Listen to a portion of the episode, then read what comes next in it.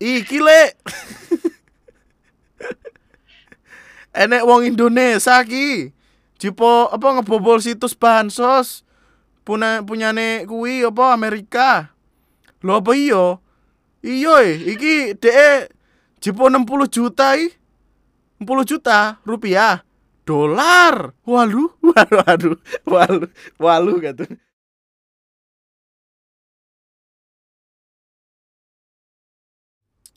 Uh, hai selamat datang di video gue kali ini dan selamat datang kembali di Lunati Podcast spesial Kali ini bangkunya hilang lagi anjing. Anjing baru dibenerin udah rusak lagi. Sialan memang hidup tuh kadang gini bro. Tidak sesuai dengan apa yang kita mau. Tadi dari tadi gue udah marah-marah aja kerjaan gue sialan lah. Tapi uh, intinya kita datang kembali ke series yang seharusnya harian Tapi ke delay gara-gara perkara bangku doang Emang sebel banget hidup gue Uh, tapi kita bakal ngomongin ini apa? Uh, ngomongin tentang perkara waktu itu hashtag yang rame apa ya? Save Save perawat Indonesia ya kalau nggak salah ya. Jadi ini niatnya pengen gue jadiin video sendiri gitu. Cuman setelah gue pikir-pikir lagi kayak uh, takut takut ini loh takut terlalu lama takutnya ntar jadinya malah besok atau besoknya lagi ntar lu nungguinnya kelamaan tapi mari kita bahas tentang perkara ini mungkin udah beberapa mungkin lu gimana sih? Mungkin beberapa dari lu nah udah sempat ngelihat perkara ini. Dan perkaranya sendiri emang cukup apa ya cukup ngebikin sebel juga gitu. Btw ini footage-nya nggak bisa gue tampilin di sini ya. Kemarin ada eh kemarin ada. Kemarin aja ada youtuber gitu yang yang naikin kayak gini terus kena strike kata gue wow bahaya juga nih konteks ternyata. Intinya uh, di salah satu rumah sakit yang ada di Palembang uh, terjadi kasus penganiayaan yang dilakuin sama uh, seorang bapak-bapak di mana bapak-bapaknya itu uh, punya rambut yang minimalis. Nggak sih emang botak kayak gue gue seneng nyebut rambut botak jadi minimalis karena mungkin ya terdegradasi gitu. Jadi sedal jadi rambutnya tuh mengikuti apa yang ada dalam palanya gitu kosong gitu. Gini nih kita kita ke kronologis kejadiannya dulu. Jadi intinya ada seorang anak dirawat di rumah sakit Siloam tersebut. Dirawat di rumah sakit Siloam tadi. Nah e, di rumah sakit ini dia tuh udah dirawat gue nggak tahu berapa hari intinya dia mau keluar Nah waktu mau keluar itu infusnya kan berarti udah waktunya dicabut dong. Gak mungkin bawa-bawa infus ke rumah Masa oleh-oleh kan gak enak juga gitu. Akhirnya orang tua Tepatnya si ibu dari si anak ini Minta perawat buat nyabutin uh, Apa sih infus yang masih nempel di tangan anaknya itu. Waktu dicabut uh, Karena ini menurut keterangan dari pihak Pihak uh, pihak si perawatnya ya Menurut keterangan yang ada karena anak ini masih umurnya 2 tahun, jadi dia tuh masih aktif-aktifnya gitu. Jadi setelah dicabut, mungkin karena gerak-gerak atau gimana, darah pun keluar dari bekas infusan tersebut. Ibu dari si anak ini tidak terima.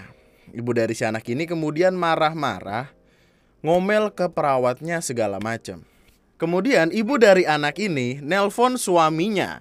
Suaminya pun datang tapi tanpa nanya tentang kronologisnya gimana, tanpa tahu masalahnya tuh kayak apa, tanpa menerima penjelasan, tiba-tiba si cowok ini, si bapak-bapak dengan rambut minimalis tersebut, langsung menghantam perawat yang ada di sana. Jadi bener-bener ya udah kekerasan aja gitu men dan bahaya banget. Masalahnya tuh udah mah dipukul, ditendang, dijambak bahkan. Kalau kata gue mah semisal lu iri gitu sama orang punya rambut ya nggak gitu caranya gitu loh. Kenapa lu sampai ya allah itu cewek loh. Dan ada bagian di mana dia tuh disuruh sujud buat minta maaf. Kalau kata gue mah apaan sih lu main-main itu kan sebutnya penganiayaan kan? Makanya perkara ini jadi gede gitu karena kelakuan lu tuh kagak masuk akal. Masa cowok berani-beraninya nampolin cewek dengan perkara yang dia sebenarnya belum menerima penjelasan yang jelas gitu kalau lu pengen punya rambut ke itu bego ke dokter rambut tolol lu. Marah iya bener. Kalau nggak pakai wadoyok bego eh, taruhin di ini pala lu. Akhirnya uh, si bapak-bapak tidak ada rambutnya tadi kemudian dilaporin ke pihak kepolisian dan polisinya pun gercep. Langsung berusaha menangkap eh langsung datang ke rumah si bapak-bapak tersebut dan ya udah gitu dibawa langsung dibawa hanya ada yang komen botak doang nggak bikin podcast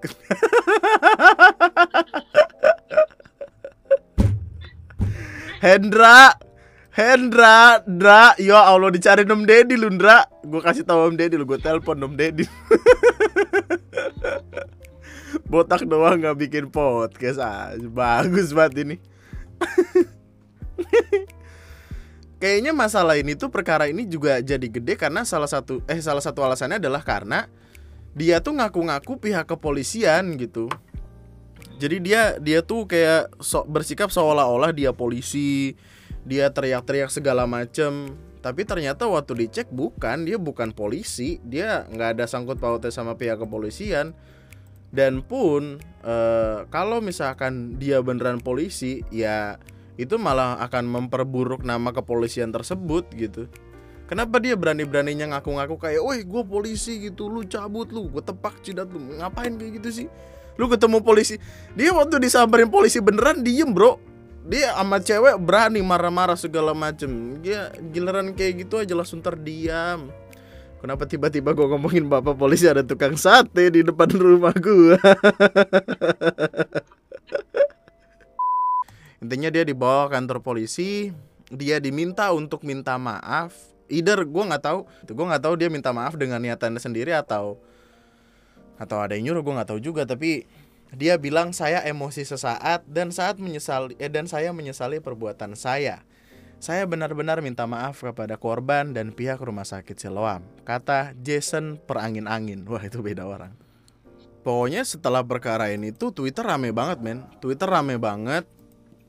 IG juga rame banget.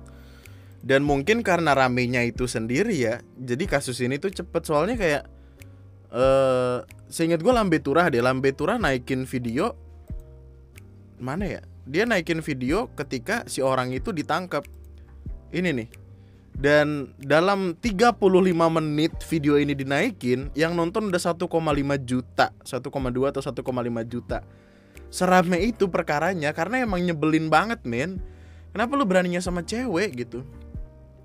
Tapi gini deh gue gue pengen ngebahas tentang perkara omongan ini. Uh, seperti biasa apa pun perkaranya kita harus ngambil dari dua sisi. Takutnya nanti gimana gimana ya kan?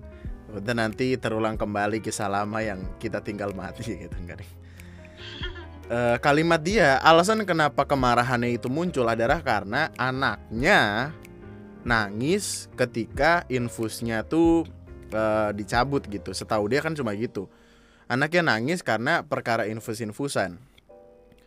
Gua kalau misalkan nanti jadi orang tua uh, kayaknya akan akan ada di posisi yang sama gitu. Kayak entah marah kesel atau gimana. Tapi kan konteksnya di sini tuh bukan itu gitu. Konteksnya di sini adalah dia make kekerasan ke perawat gitu. Yang mana perawatnya juga cewek. Dan itu tuh udah gimana ya nggak nggak nggak masuk akal gitu. Kenapa lu sebegitunya banget? Emosi ya emosi tapi ya nggak nampol orang apalagi orang itu cewek. Perkaranya sendiri sekarang kan uh, udah udah ada di babak akhir nih. Jadi kayak intinya si orang ini udah dibawa ke kantor polisi ke kantor polisi lagi diurus segala macem. Gua gak tahu ntar mau sidang atau gimana nggak paham terus pihak perawatnya sendiri lagi di uh, apa lagi dalam masa-masa pemulihan karena trauma obviously uh, terus didatengin psikolog juga untuk ya apa ya memastikan kalau kondisi mentalnya tuh baik-baik aja Uh, tapi sekarang kita masuk ke babak baru nih. Si bapak-bapak tadi mengaku sebagai polisi. Tentu itu sudah salah dong, apalagi dia bukan polisi. Yang kedua, istrinya ini tiba-tiba ngaku uh, apa CEO ya, apa yang punya usaha gitu. Yang punya usaha salah satu perusahaan kosmetik gitu. Yang gue lucu adalah ada salah satu artikel yang bilang gini, Pantas suaminya ngaku-ngaku polisi, ternyata istri pelaku penganiayaan perawat rumah sakit Siloam bukan orang sembarangan. Gokil, bukan orang sembarangan loh, guys. Ya, dia bukan orang sembarangan anjing. dia mungkin bisa terbang bisa menghilang. Bukan orang sembarangan dia. Dia bisa menyulap air jadi es teh manis gitu. Bukan orang sembarangan tuh kayak gimana men? Aneh banget aja. bukan orang sembarangan. Oh nih nih, nih. jadi intinya si ibu itu mengakui sebagai pemilik dari PT Immortal Cosmedica Indonesia yang mana kayaknya dia ada di bidang kosmetik atau gimana gitu. Dan itu tuh uh, diketahuin dari Facebooknya gitu. Dia nulis kayak owner di PT eh di Immortal Cosmedica Indonesia bla bla bla gitulah. Yang ternyata bukan. Pihak PT-nya apa pihak perusahaan tersebut kemudian langsung kayak gimana sih? Maksudnya ini tempat bukan punya lu nih ini toko bukan punya lu tapi diaku akuin sama orang kesel nggak sih? Gue sih emosi cuy. Langsung apa PT-nya tuh perusahaannya langsung ngebikin surat terbuka gitu buat ngasih tahu kalau ya si Mel Melisa ini si istri dari bapak ke bapak tadi bukan merupakan owner. Enggak bukan gitu. Maksudnya ini ini adalah keluarga yang cukup aneh untuk gue lihat karena yang satu mengaku-ngaku sebagai polisi, yang satunya mengaku sebagai pemilik perusahaan yang padahal bukan. Maksud gue hidupnya berdua tuh penuh kamuflase banget gitu loh. Kayak bunglon. ya Allah. Iya betul, jodoh adalah uh, eh bercerminlah maka itu adalah jodohmu kelak ya mungkin mereka bertemu dengan percet pencetak emak-emak kayak dari rumah WA 0812 ini kayak kayak ini tahu kayak orang-orang yang nawarin MLM nantinya gitu loh. yeah. Nih, dia tuh IG-nya tuh kan udah di private sekarang ya si Halo Melisa 21 ini. Dia sempat komen gitu, saya pelaku silakan tanya saya langsung untuk rumah sakit Siloam laporannya palsu. Siap-siap kita akan selesaikan secara hukum. Saya nggak takut. Foto anak saya ada dan perawat sudah melakukan penganiayaan ke anak saya yang usianya dua setengah tahun. Sampai darah anak saya muncrat ke mana-mana. Fotonya ada kita siapkan. Selamat jumpa di persidangan. Suster nyabut infus dan Hansaplas anak saya tidak sesuai dengan prosedur dan tidak merasa bersalah dan tidak mau minta maaf. Dari kemarin tuh apa ya? Kayaknya kayaknya gue perlu tahu tentang perkara ini juga sih tentang pencabutan infusnya sendiri itu gimana gitu kenapa dia bisa pede ngomong kayak gitu? Apakah ini kamuflase dia yang lain seperti dia mengaku-ngaku pekerjaannya? Atau gimana gitu? Karena ini jatuhnya tuh jadi ngebingungin banget. Nggak pasti. Tapi di sini ada yang komen ya emang bener kalau lagi dilepas infusnya jangan digendong dipeluk aja sama ibunya dari belakang sembari nenangin. Lah kalau digendong kan jadi nggak stabil darah yang keluar banyak. Itu versi mana lihat foto ibunya netes ya bukan ngocor sampai membahayakan anak. Iya sih ada foto di mana ibunya tuh ngasih lihat uh, darah gitu ke ke celananya dan ya netes sih emang. Tapi kalau ngocor tuh kayaknya hiperbola banget gitu loh. Oh tapi udah ada pembahasannya sih udah ada klarifikasi dari pihak ininya juga. Menanggapi video yang sedang viral dari pagi entah berapa orang yang ngirimin video itu ke saya dibahas di banyak grup juga. Kronologis dari pihak rumah sakit, jadi si istri pelaku minta perawat mencabut infus anaknya. Dia kaget kok ada benda kecil panjang yang dia pikir jarum yang keluar dari pembuluh darah anaknya. Jadi dia kira selama ini itu jarum ketinggalan di dalam tangan anaknya. Nah, sungguh sumbu pendeklah dia. Nggak terima lapor ke lakinya. Lakinya emosian, ditambah lagi tangan yang udah diplester masih ngeluarin darah. Ini hal biasa apalagi anak-anak banyak gerak. Masalah simpel ya, karena kurang pengetahuan jadi heboh dan malu sedunia. Pesan buat semuanya, ketika sedang dilakukan penindakan medis keperawatan ke kita, keluarga kita, perhatikan baik-baik. Kalau nggak ngerti tanya, jangan main hakim sendiri. Pesan untuk teman sejawatku, mahasiswa mahasiswaku tetap kerja dengan hati dan sesuai SOP. Jangan lupa standby HP buat ngerekam kejadian-kejadian kayak gitu. oh enggak dia, oh dia sempat ngomong kayak gini Coba deh kalau anaknya masih bayi diperlakukan tidak baik oleh perawat rumah sakit sehingga darah anaknya ke mana-mana. Kira-kira kamu akan diam atau marah? Sedangkan e, perawat yang diduga psikopat tidak merasa bersalah dan tidak minta maaf. Untung untungnya jarum nggak patah di dalam tangan anak saya. Wahai pemirsa sekalian, tolong pahami. Ini gara-gara kalimat ini gua nyampe buka video-video di YouTube, gua belajar. Nyari tahu gua. Jadi sederhananya infus ketika sedang dipasang, pertama kali dipasang tuh dia emang kayak make jarum gitu loh. Jadi ini ada cotton bud nih. Jadi anggapannya emang pertama kali dimasukin tuh emang pakai jarum. Tapi ketika udah masuk, ketika udah masuk, eh, jarum itu tuh di dikelilingin sama eh, kayak corong plastik gitu lah gimana sih?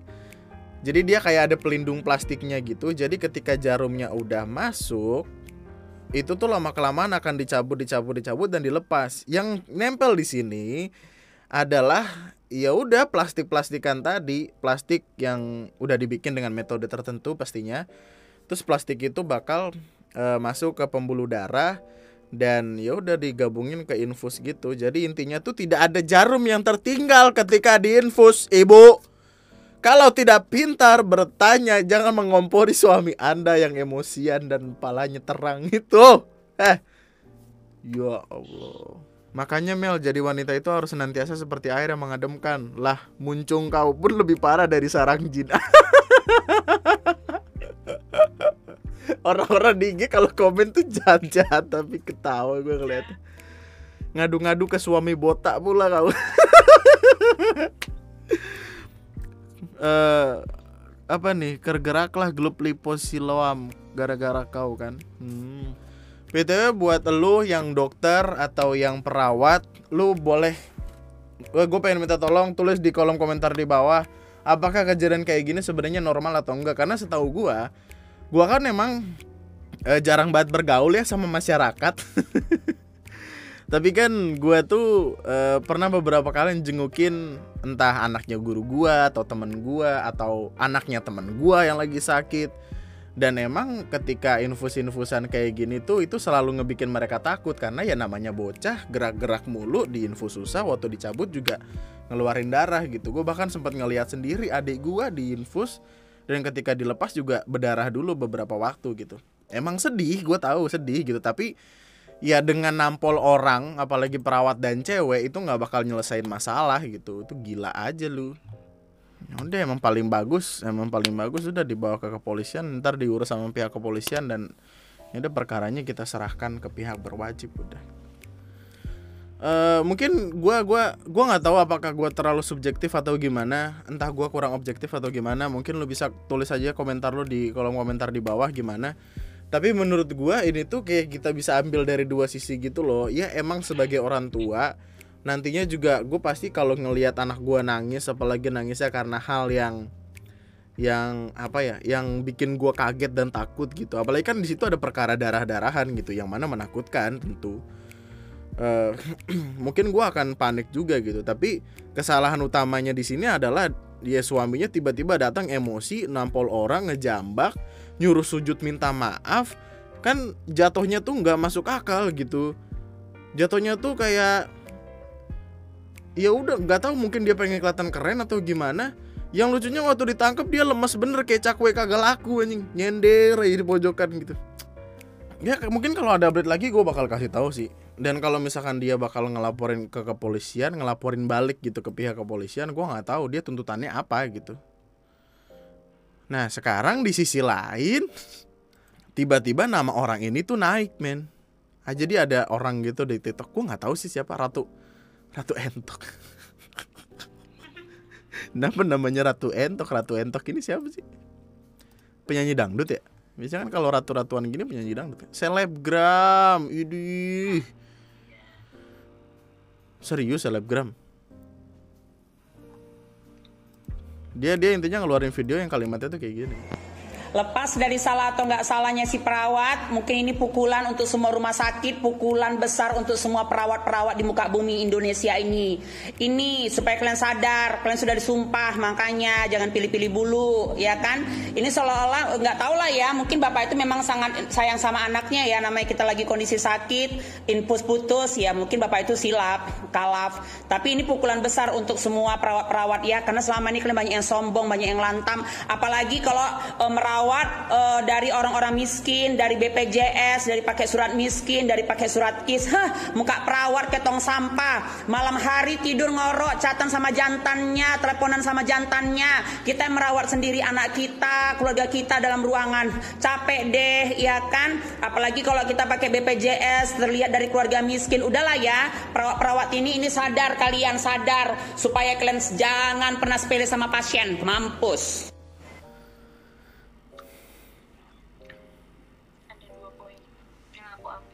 Apa? dia mau naikin engagementnya dengan menjadi Mungkin, mungkin. Karena kita sebelumnya gini, sebelumnya gini. Cara cara paling bagus. Nih gue buka nih. Cara paling bagus dari mencari nyari nyari cloud, nyari apa sih namanya? Nyari traffic adalah ketika ketika orang-orang rame ngomongin kubu A. Enggak, kalau lu pengen nama lu naik, lu harus ngambil yang sisi seberangnya nih. Jadi orang-orang yang yang mungkin setuju sama si A, tapi dia bakal lebih setuju sama lu gitu dan itu adalah cara orang-orang kayak gini naik. Mungkin lu sering ngeliat di YouTube banyak lah yang kayak gitu gitu. Tapi itu adalah cara nyari traffic yang bagus. Dan kalau emang itu cara dia, terlepas dari omongan dia yang gua nggak tahu kayaknya banyak dipahami sama orang-orang dan orang-orang relate sama dia. Tapi ini adalah cara yang bagus, Ben, asli. Terus yang kedua,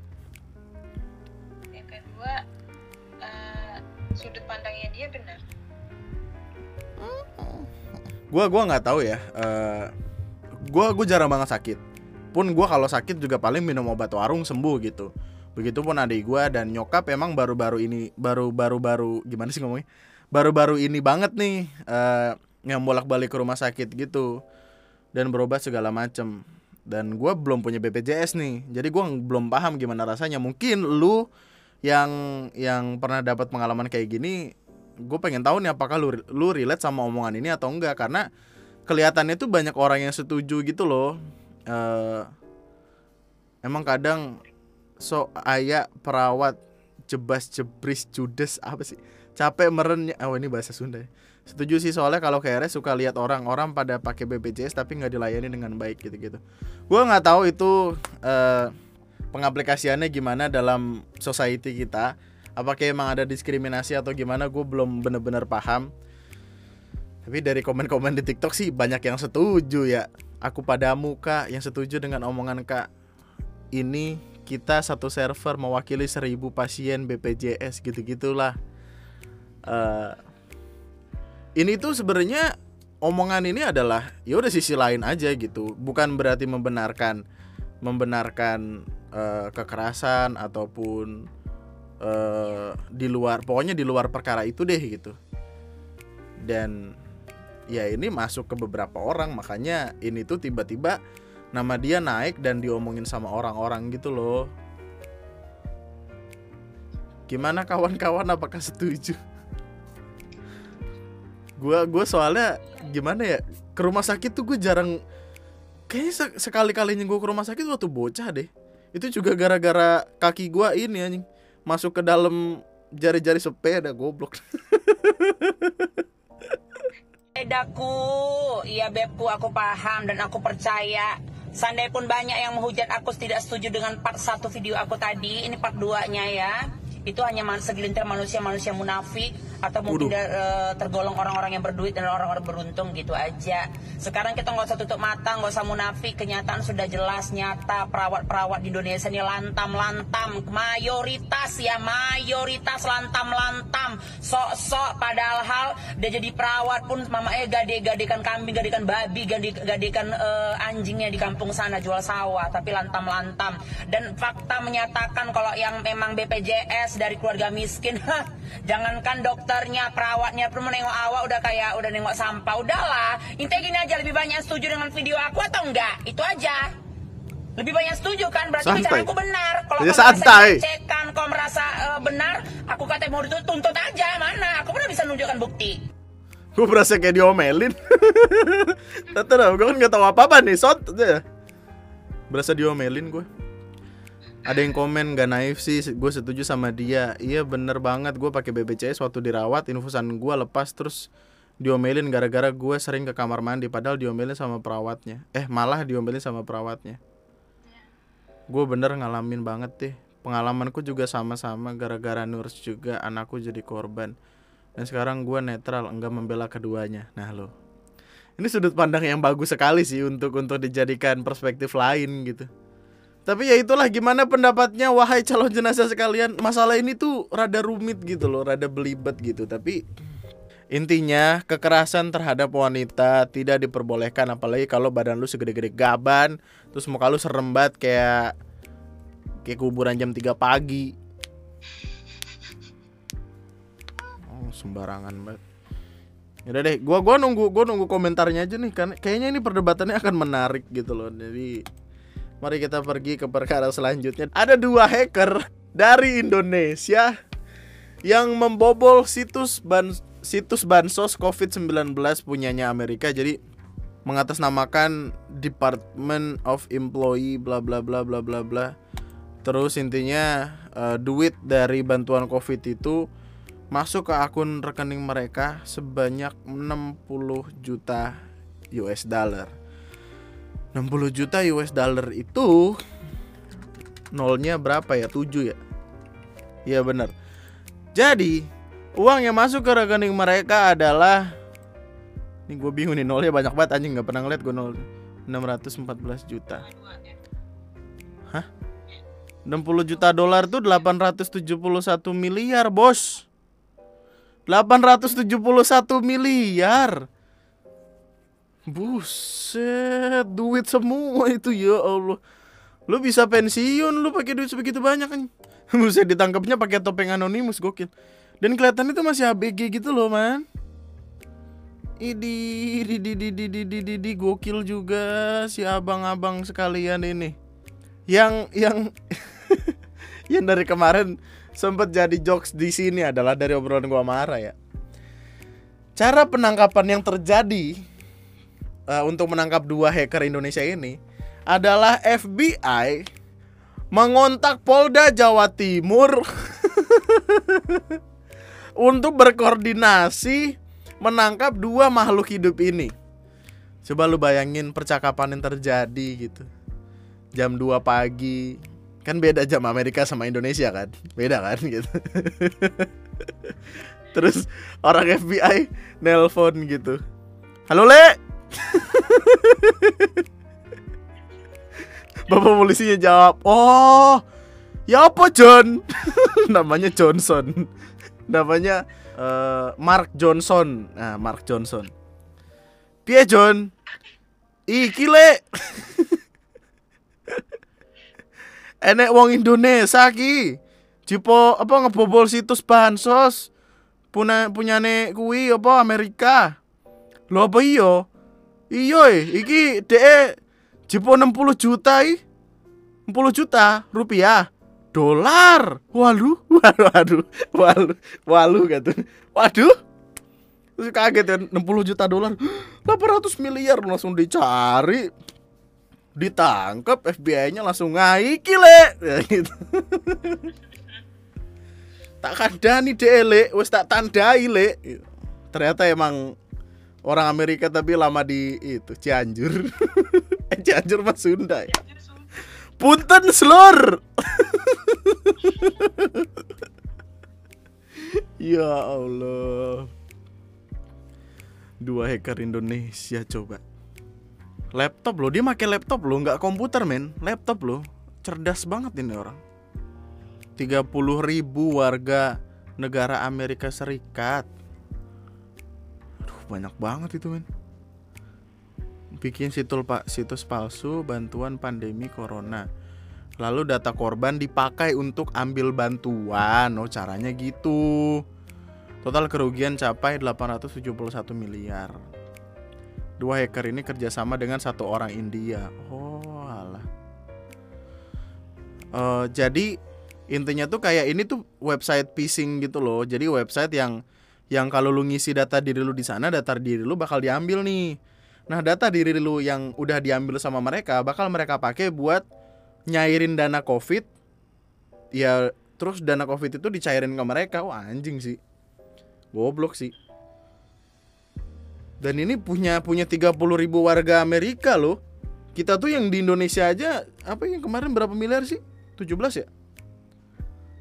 17 miliar yang kementerian kementerian sosial itu. Itu aja tuh habis loh. Ini gimana dia? Eh, jatuhnya tuh ini bukan hacker gitu. Ini ya phishing. Jadi eh buat buat buat pemahaman lu tuh hack hacking sama phishing tuh phishing tuh masuk dalam kategori hacking. Setahu gua ya, tolong koreksi gua kalau gua salah, tapi setahu gua phishing itu adalah salah satu metode hacking, tapi ya bukan hacker-hacker banget gitu. Ngerti gak sih? Jadi kayak ya cara mereka adalah mereka ngambil data, data itu dimanfaatin buat ngambil duit gitu. Jadi kayak eh, nggak jauh beda sama orang-orang yang nelponin lu terus nanyain kartu kredit lu atau kartu ATM lu nomor digit berapa terus mereka tahu terus sama mereka dipakai buat ngambil duit lu. Ya kurang lebihnya gitu. Cuman mereka ngambil duitnya dari pemerintah Amerika Serikat. Anjing juga nih. Gokil gokil. Le John! John! Piye John? Ya Allah tapi nggak gini gue pengen nanya ke lu. Setuju nggak sih lu kalau misalkan orang-orang kayak gini tidak ditangkap tapi di diberikan pengarahan supaya itu bisa digunakan buat negara gitu? Karena yang gue yakini adalah at the end of the day duit itu pasti belum banyak kepake gitu harusnya ya. Jadi notabene duit itu bisa dikembalikan. Karena karena ya mungkin selang waktunya nggak berapa lama well gue juga nggak tahu pasti sih ini berapa hari udah kemakan ya. Dan 871 miliar itu gue yakin ketika gini dia ngambil duit dia ditangkap polisi. Kayaknya di tengah-tengah itu mereka belum sempat pengen ngebeli apa-apa karena mereka cuma punya dua laptop sama HP gitu. Gue rasa di tengah-tengah itu mereka mikir anjing beli apa nih duit sebanyak ini ya? Bro beli apaan bro? Rumah. Eh, jangan rumah kebanyakan ntar rumah doang. Apa ya? gitu. Terus mereka mikir mikir mikir eh ditangkap anjing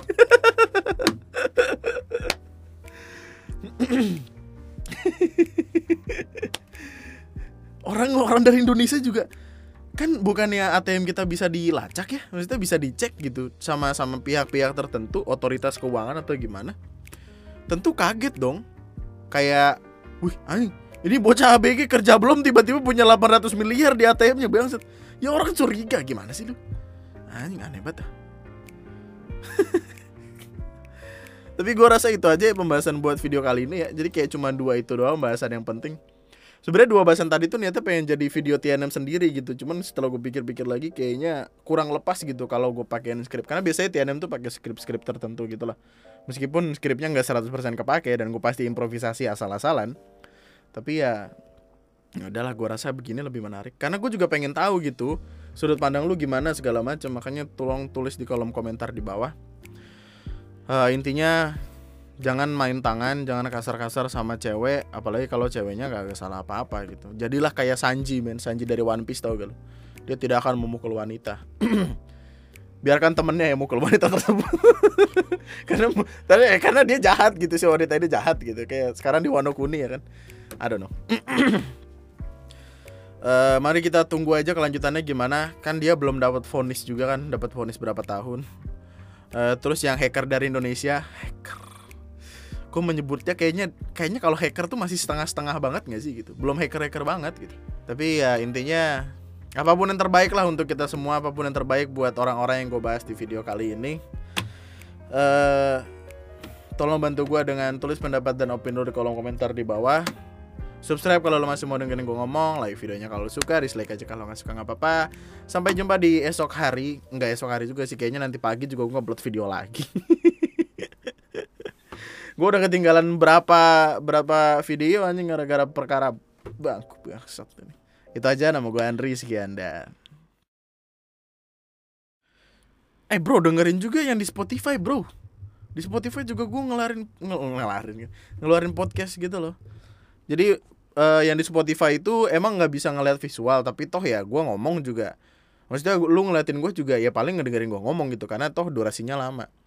Jadi gue rasa dengerin di Spotify itu lebih apa ya lebih enak karena ya udah kita cuma cuma perlu ngeplay aja gitu tanpa perlu ngeliatin visual. Jadi kayak bisa jadi teman ini loh teman nongki nongki teman kerja kerja tugas tugas apa? Iya buat di jalan. Kalau misalkan lu pengen pergi ke rumah selingkuhan rumah mantan, rumah selingkuhannya mantan, kan kita tidak tahu. Ya, gitu aja. Thank you, mantap. Besok kita ngebahas bocah epep yang sholat malah gaya-gayaan goblok. Lagi sholat kaki dinaik-naikin. Kenapa kagak jidat lu lu taruh di kaki?